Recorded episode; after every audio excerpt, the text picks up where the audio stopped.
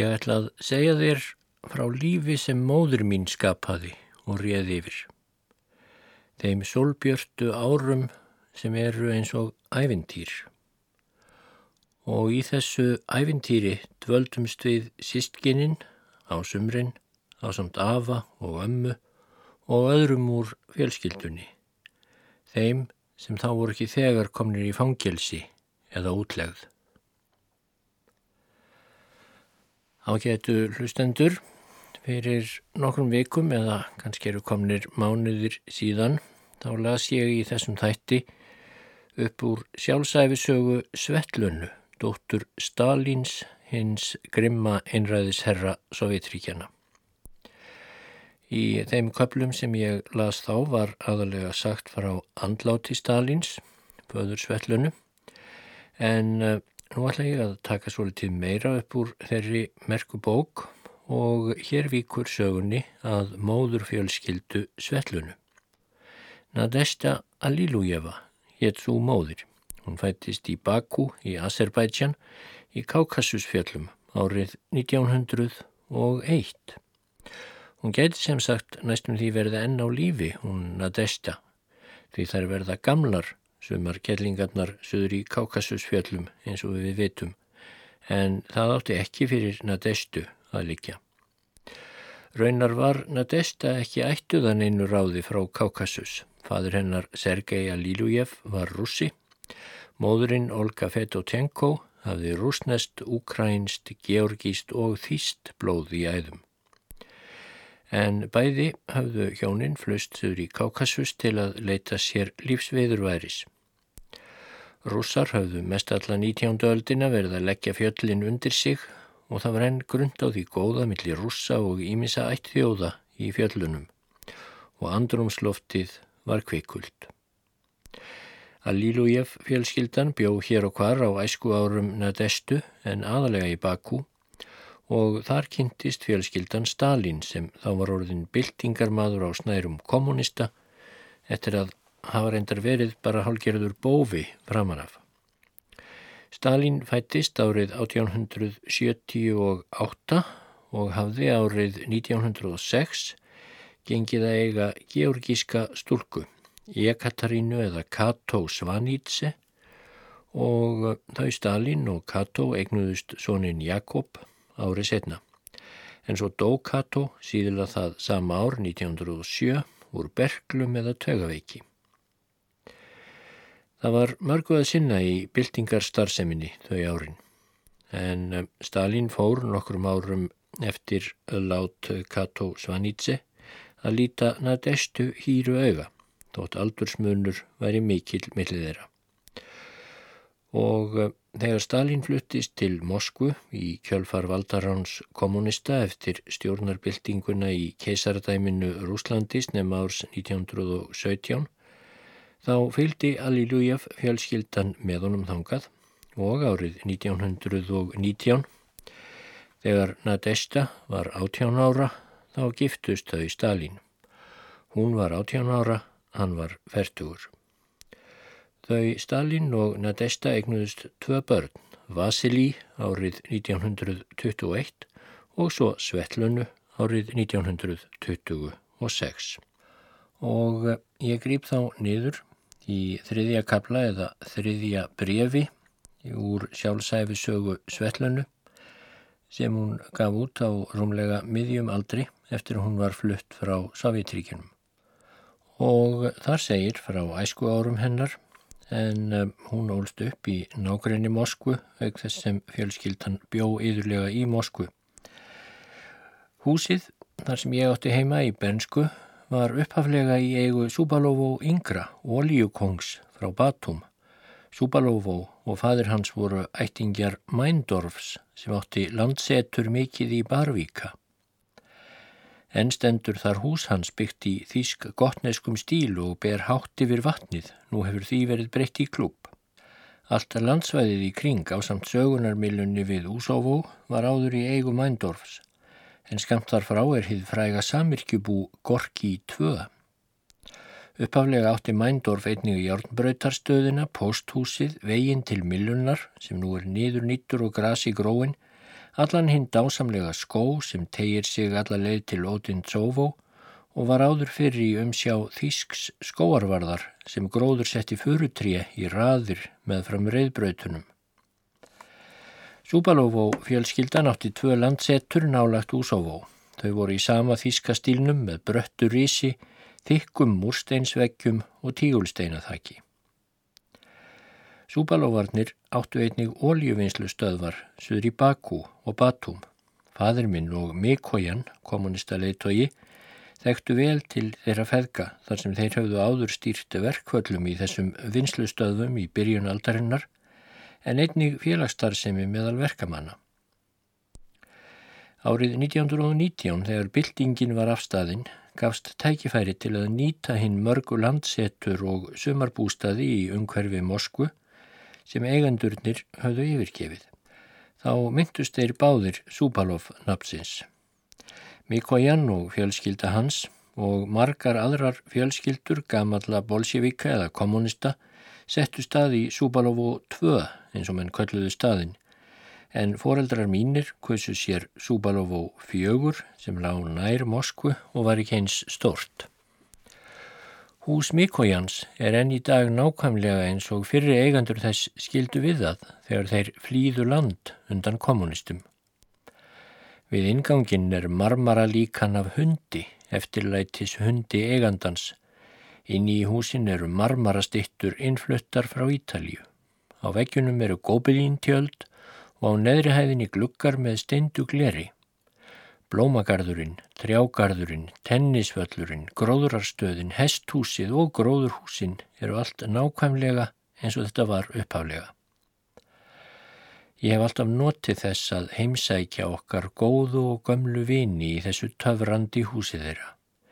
Ég elska gömlu borstofuna með útskortna hlaðborðinu, fornfálegu ljósakrónunni og gömlu klukkunni á arinhillunni.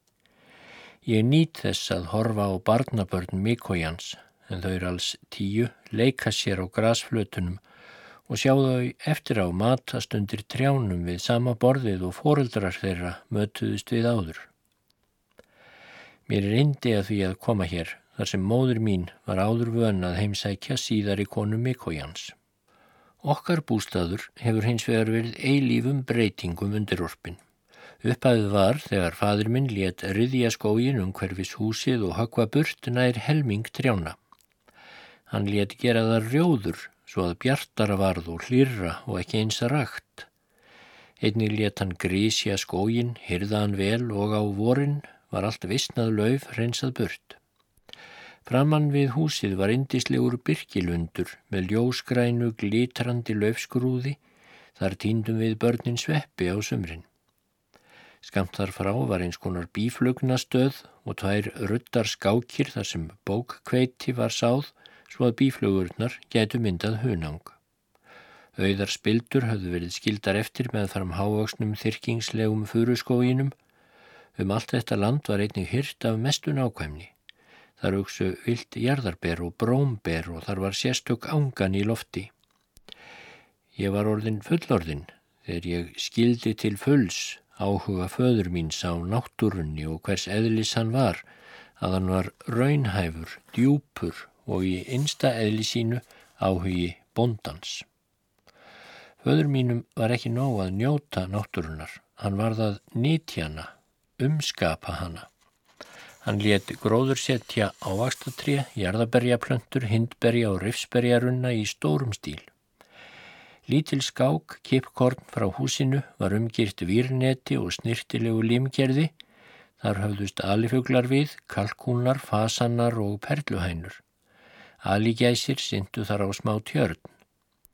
Ekkert af þessu hafði sprottið upp í einu vetfangi, heldur þróast smátt og smátt. Þannig ólumst við sískininn í raun réttri upp á ofurlittlu sveitasetri þar sem bústörf voru stunduð, sláttumenska, sveppasöfnun, berjatýnsla. Árlega var sapnað byrðum af hunangi, grænmettis og ávakstamauki og við hafðum okkar eigið alifugla kjött. Það var fadur minn sem engum hafði áhuga á þessu. Móður mín let sér næja að fylgjast með stórvöxnu síringarrunnunum við húsið hvort er döfnuðu á vorin og blomguðust.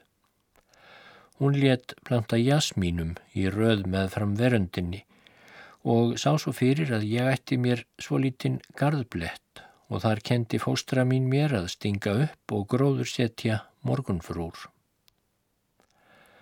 Móður mín hafði annars áhuga á öðrum efnum, engum mentun okkar sískinjana. Þegar ég var hálnuð með sjöunda árið var ég orðin læs og skrifandi bæði á rúsnesku og þýsku. Ég kunni að teikna, móta í leir, klippa og líma. Ég gæti lesið nótur og skrifað með nótum lag sem leikið var á piano. Við vorum heppin, bróður minn og ég, að móður okkar skildi velja okkur í efn merkilega kennara. Þetta var einhver mikilvægt fyrir Vasili eldrabróður minn sem var erfitt barn. Vasili hafði dásamlegan kennara, Alexander Muravjov, sem stöðugt fann upp á einhverju skemmtilegu, svo sem skóarferðum, þegar leið var við í tjaldi við ána og matreitur þar fiskur beint upp úr ánni, tíndar nettur, farið í sveppaleit og ótalmart aðhafstannað. Það sjálfsögðu höfðu slíkar útilegur sinn tilgang og voru tengdar námi okkar öllu, leksíunum og teiknuninni. Við skoðuðum þá kanínur, brottkelti og snáka og fjölmart annað sem börnum er gagn og gleði að. Vetur, jæmt sem sömar, tók annar kennari, Natalia Konstantínovna, þátt í kjenslustarfinu á samt Alexander Muravjov.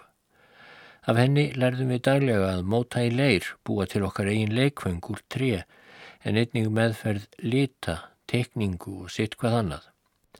Hún kent okkur þýsku og kjenslutímarnir hjá henni voru fræðandi en þó fullir af leik og urðu okkur ógleimanleir. Natalia Konstantínovna var fættur kennari.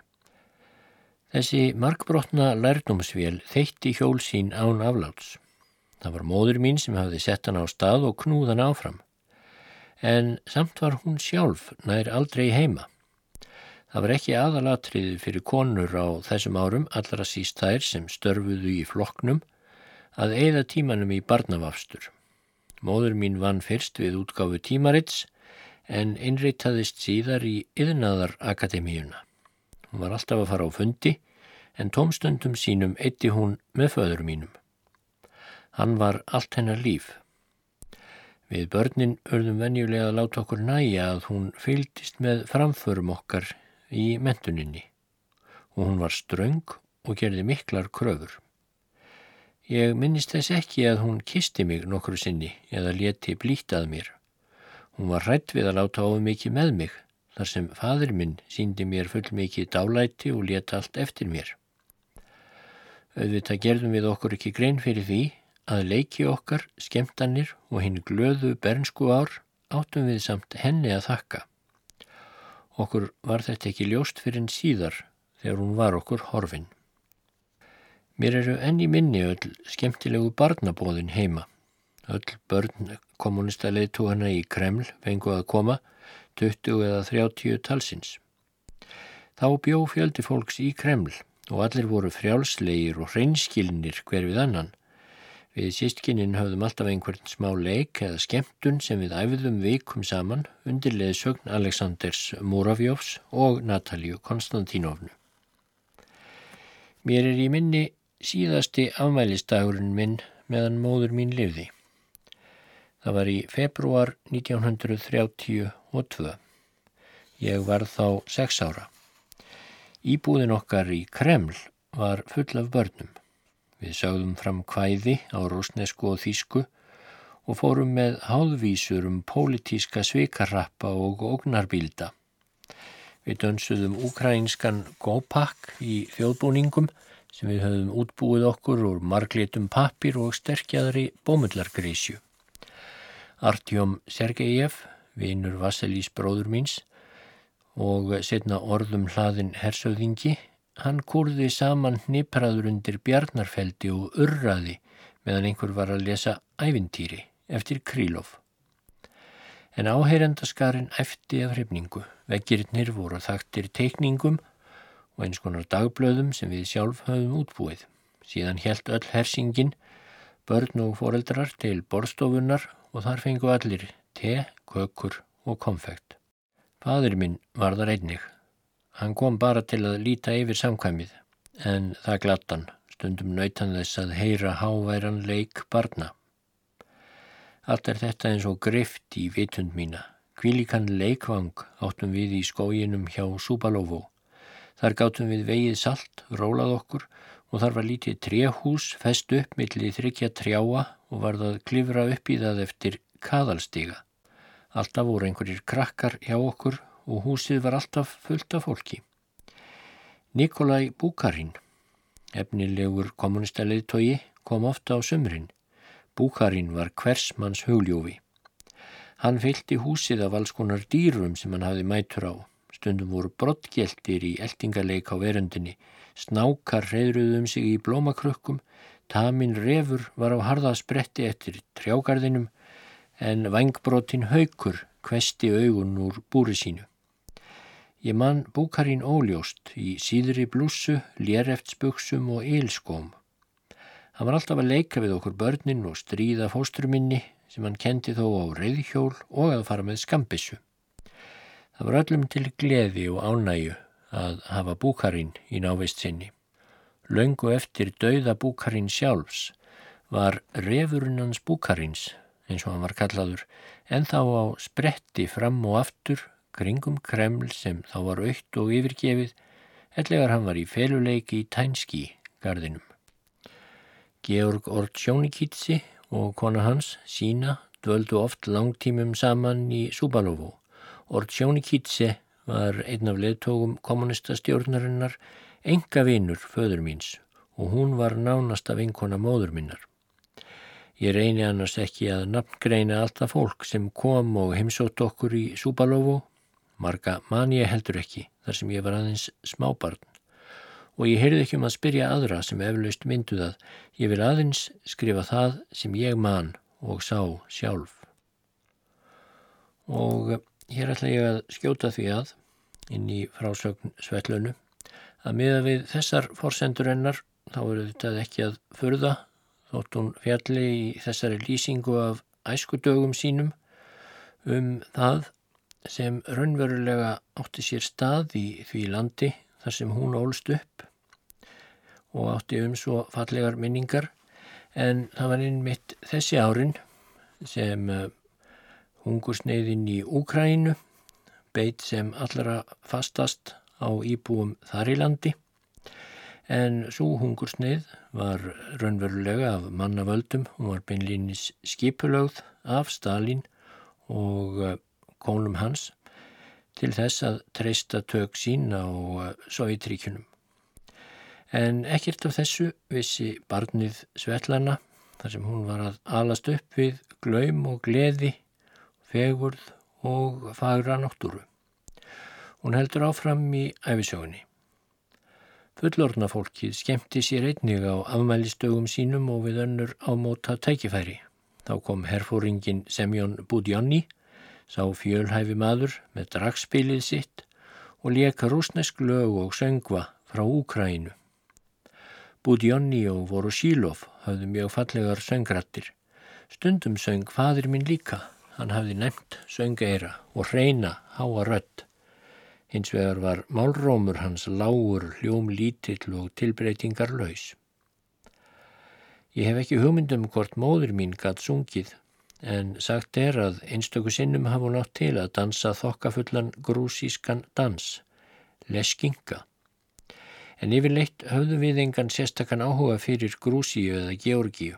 Fadur minn var orðin rúsneskur í húð og hár. Á þessum tímum hafði fólk reynar lítinn áhuga á hinnum svokalluðu þjóðernis vandamálum en let sig engum varða hinn almennu vandamál mannkinsins. Einhverji sinni sagði Vasili bróður minn til dæmis við mig, veistu hvað, hann pappi var einu sinni georgíumadur. Ég var þá bara sex ára og skildi ekkert hvað hann var að fara, svo hann gaf mér þessa skýringu. Georgíumenn Þeir gengu um í síðum tjerkassakuplum og drápu hvert sem var með rýtingi. Þetta var allt og sumt sem við þá vissum um okkar eiginlega föðurland. Fadur minn brást alltaf illa við þegar vinir byrtust frá Georgíu, færandi ríkulegar gjafir, vín eða ávexti af georgísku örlæti. Þar sem fadur minn hafði lagt bann við slíkum gjafasendingum þá voru vinirnir gerðir afturreka en móður minni, þessum rúsneska kvennmanni, var kentum. Hún var þó sjálf borin og barnfætt í Kákassus. Hún elskaði Georgíu og var landinu kunnug en hún varði auðvitað síðust til að íta undir þess áttar örlæti á kostnað almennings. Heimilinu okkar í Kreml var stjórnað af ráðskonu, þýskri að uppruna frá Ríka. Hún hétt Karolína Till og hafði móður mín haft upp á henni. Karolína var aðlaðandi eldri kona, snirtileg, vamlaus og vænmanneskja. Hárið greitt hátt upp á höfuðið að gamalli tísku og tekið saman með kömpum. Móður mín fólinni það fjö sem ætlað var að hrökva til heimilistarfa en það var ekki mjög riflegt og með því fjö sá Karolína fyrir heimilishaldinu og matseldinni. Ég á hér að sjálfsögðu við tíman sem ég mann best eða árin frá 1929 og fram til 1933. Þegar hér var komið hafði móður minni auðnast að koma á fastri skipan á heimilinu og búa heimilið þeim raunar fábrotnu þægindum sem fjárhagur hinn að hátt settustu flokksleð tóa lifði á þeim árum. Áður hafði móður mín sjálf annast bústjórnina, búið við skamtanir og skamtunarseðla og ekki hafðum við þá þjónustu fólk fremur en aðrir.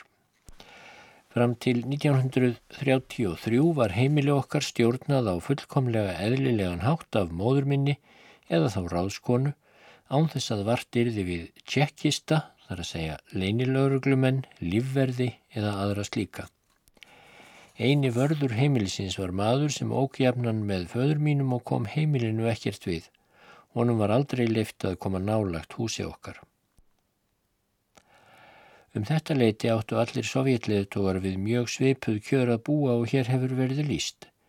Engin þeirra kerði sig um munað eða egnir þótt þeir reyndu eftir megni að veita börnum sínum góða mentun. Þeir réðu til sín góðar kjenslukonur af gamla skólanum engum þýskar. Eginkonur þeirra hafðu allar einhver störf með höndum utan heimilisins og reyndu að afla sér mentunnar í tómstundunum. Sport var þá einmitt að komast í tísku. Þær leku allar tennis og hafðu tennisvelli og krokkettflatir hjá sumarbústöðum sínum. Hvenn fólk hafði þá engan áhuga fyrir fötum nýja fegurunarlifjum en leit bísna vel út eigiða síður. Á sömrin fóru foreldrar mínir til Sochi, bæjar á Svartahafströndinni. Það var orðin föstvenja þeirra. Árið 1930 eða 31 tóku þau mig með sér í fyrsta sinn.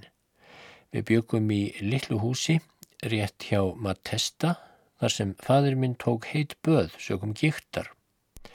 Það var fyrst eftir dauða móður minnar sem þeir tóku upp á því að byggja sérstaka sumarbústaði handunum.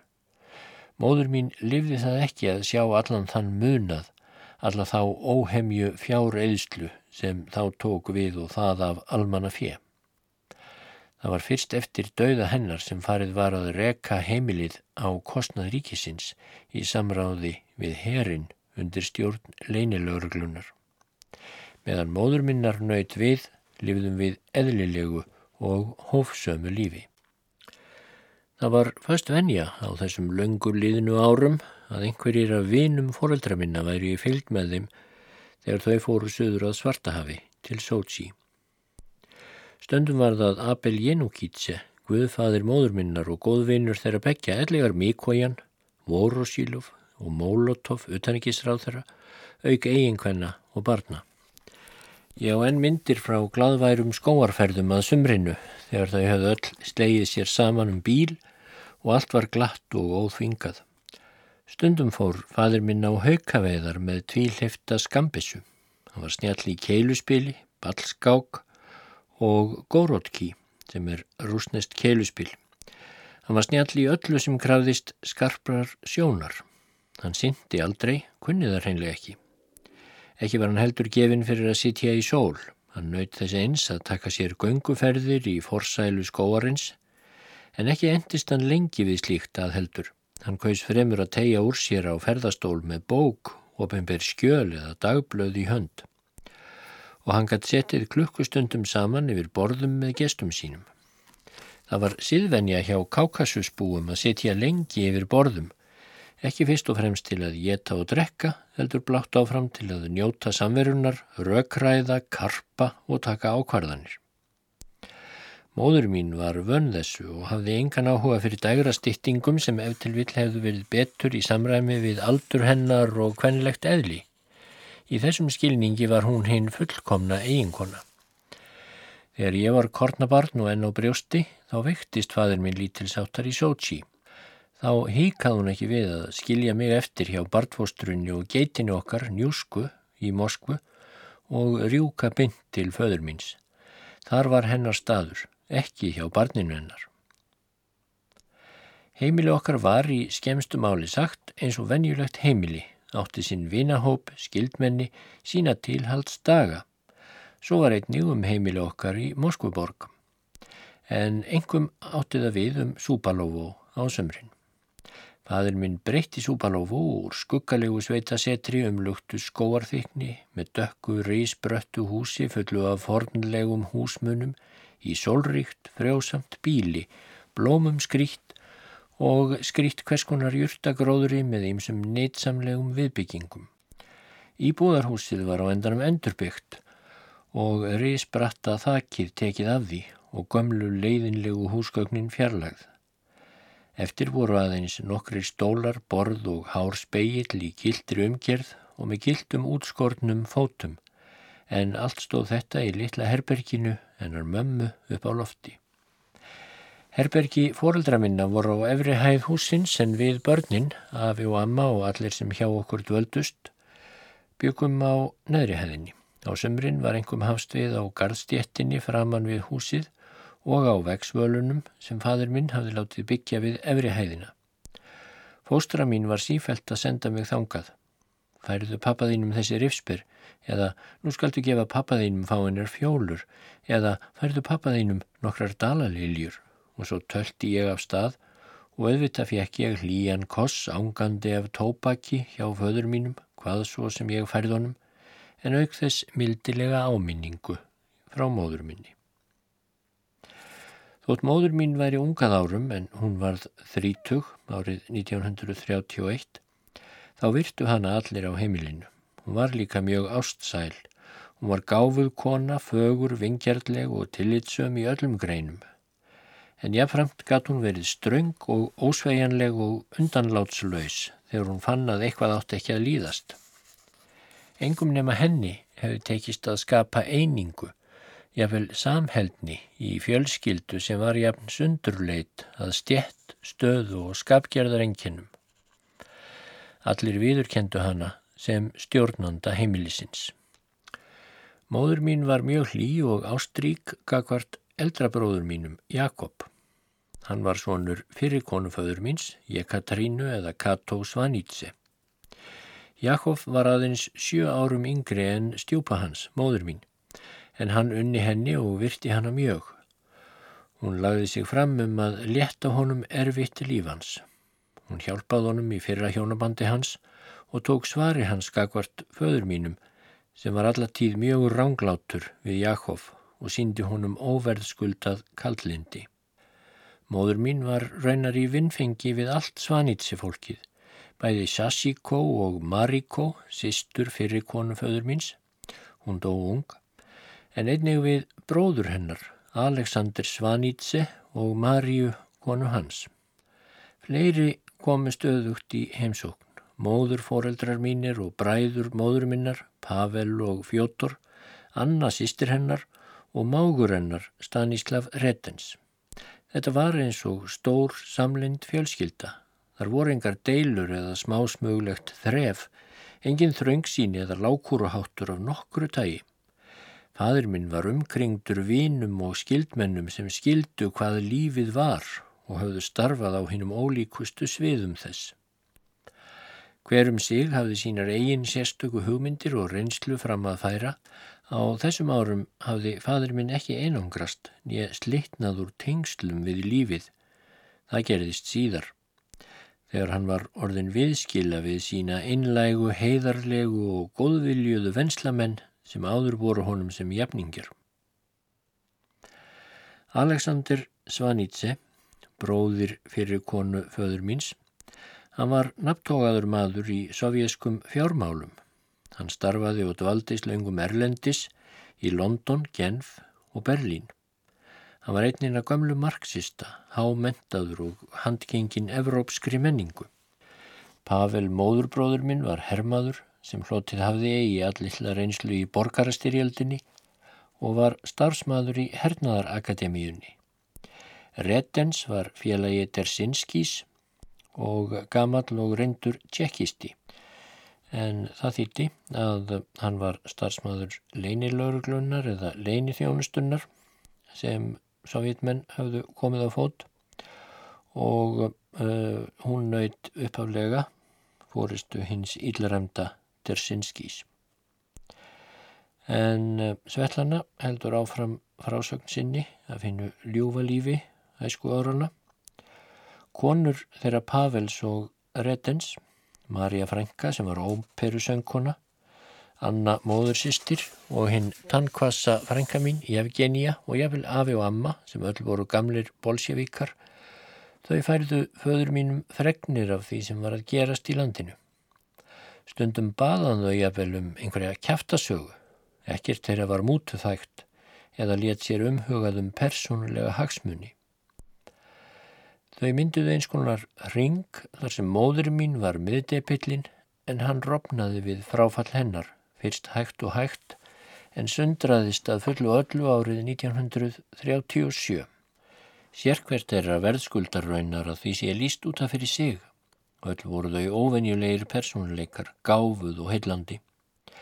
Flest letuðu í lífið fyrir aldur fram með einhverjum hörmulegum hætti, án þess að þeim auðnaðist að neyta gáfna sinna eða hæfileika til fullnustu.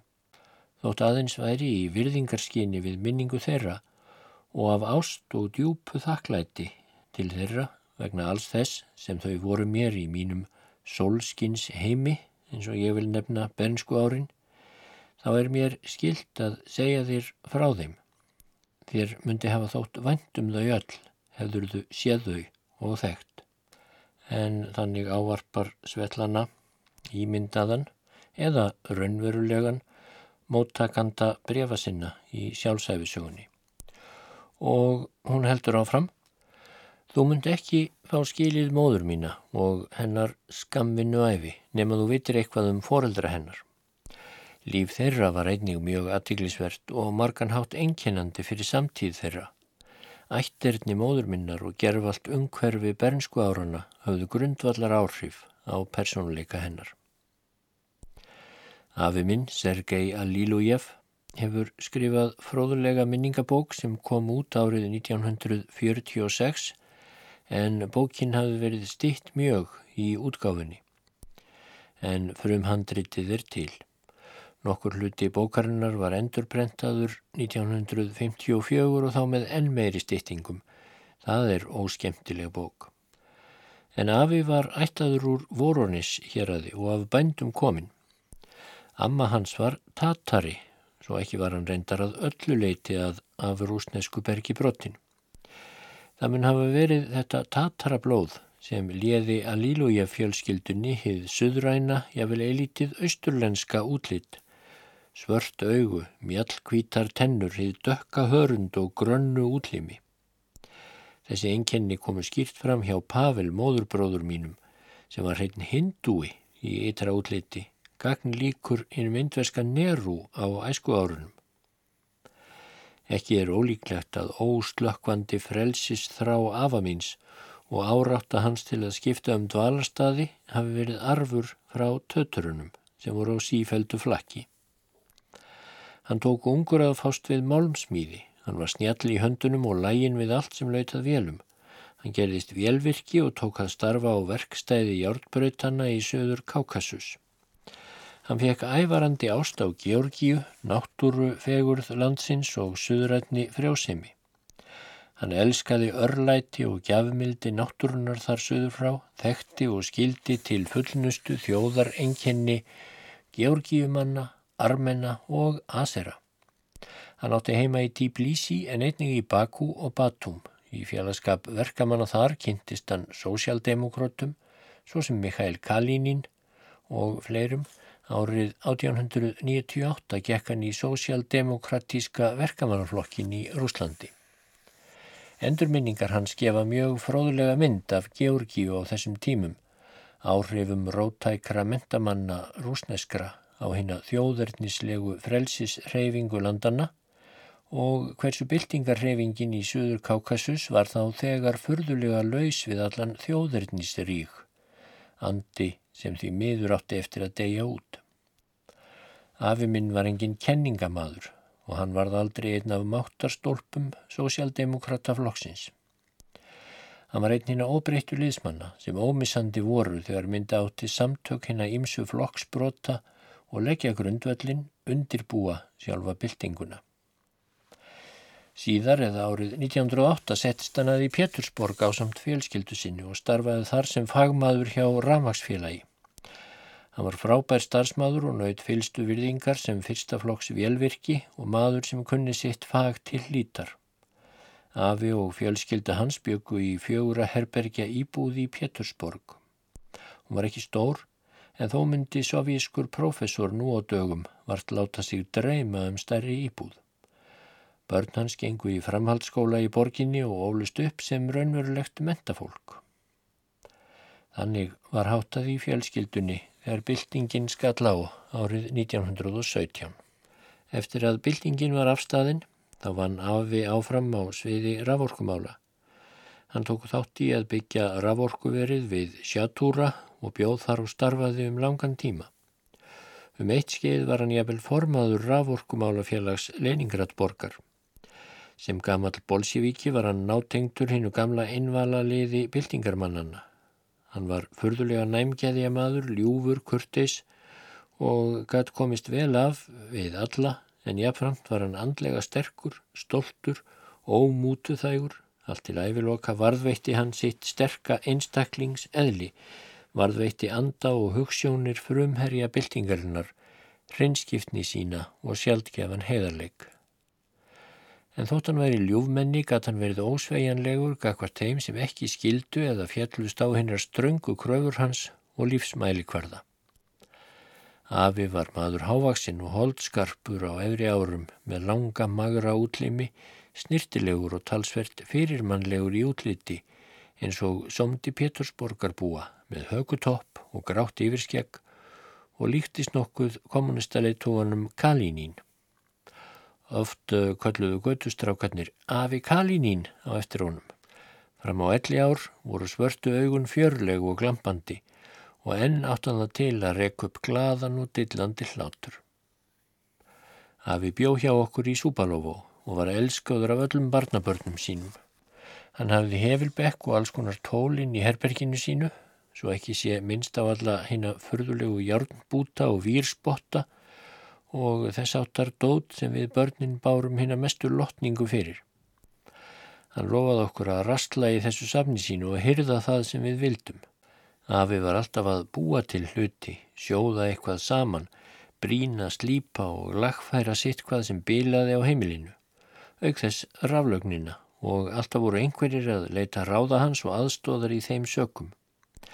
Það var indi afamins að fara í gönguferðir með okkur börnunum. Börn Pavels, móðurbróður sem byggu í Súbalófó, tóku einning þátt í þeim og stundum sonur önnu móðursistur. Því að Afi vildi gera okkur öllum gladan dag. Við vorum þá vön að reyka saman um skógin og týna sveppi og hnettur.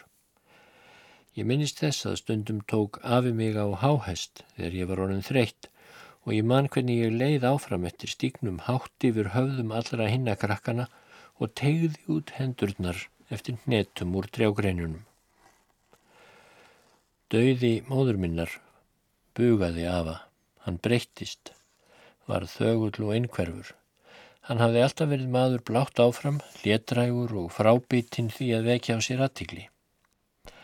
Þessi hlétrægni, þessi fágun og prúðmennska var afa meðfætt. Þó má vera að framkoma hans hafi einnig mótast af áhrifum frá hennum miklu menta og andans mönnum Rúslands sem hann tengdist æfi langt vegna byltingar hreyfingarinnar. Eftir 1932, þegar móður mín dó, þá drá afi sig alveg inn í skil sína. Hann stegi ekki fæti út úr herberginu dögum saman en dundaði við að lagfæra eða smíða eitthvað á rennibekk sínum. Og hann varð enn ástúðulegur enn fyrir við okkur barnabönnin. Ég mist bjóðan hjá okkur eða önnu dóttur sinni en lengstum var hann þó hjá okkur í Súbalófó. Svo var hann veikur.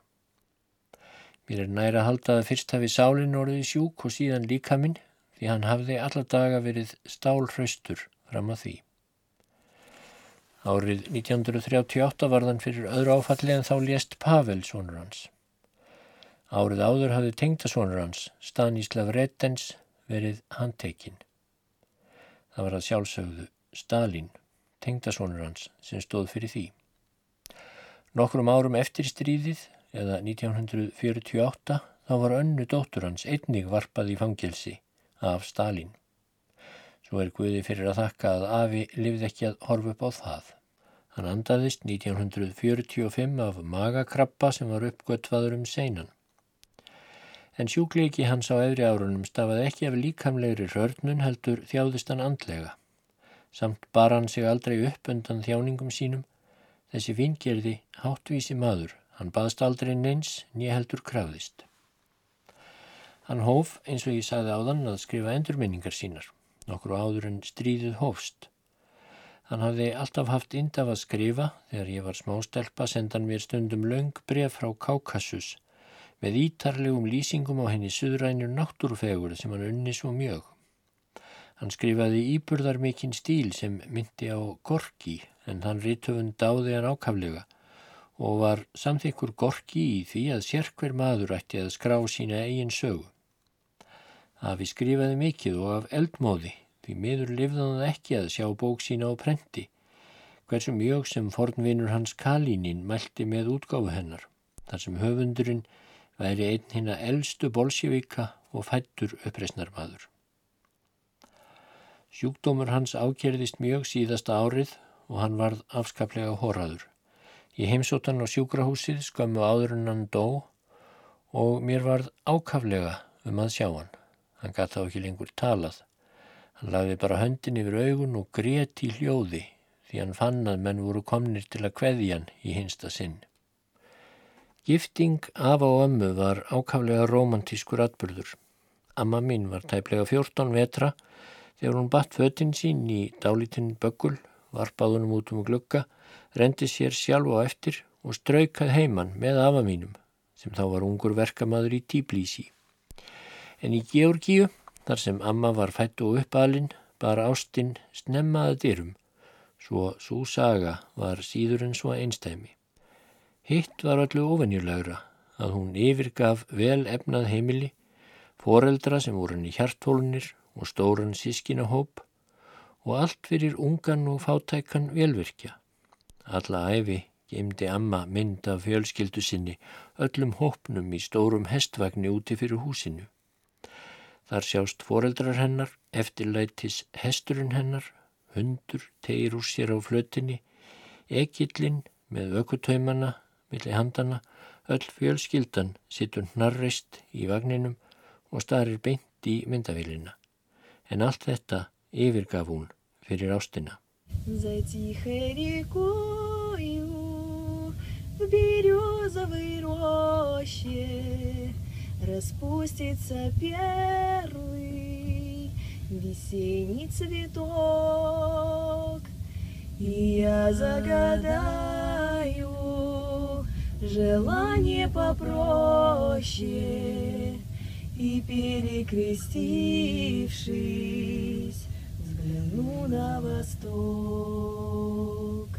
Окрасится небо багряной зарею, И вечное солнце над миром зайдет, белая птица взлетит над землею, и Божье прощение небес принесет, и белая птица взлетит над землею, и Божье прощение с с небес принесет, и что-то большое откроется сердцу, такое, что жить, ой, жизнью моей не объять, и станет спокойно, и сладко, как в детстве, когда обнимала моя мать, и станет спокойно, и сладко, как в детстве, когда обнимала меня моя мать. Молитва святая, слезами прольется Христовой любовью, исполнится грусть, и в это мгновение душа прикоснется к великой вселенной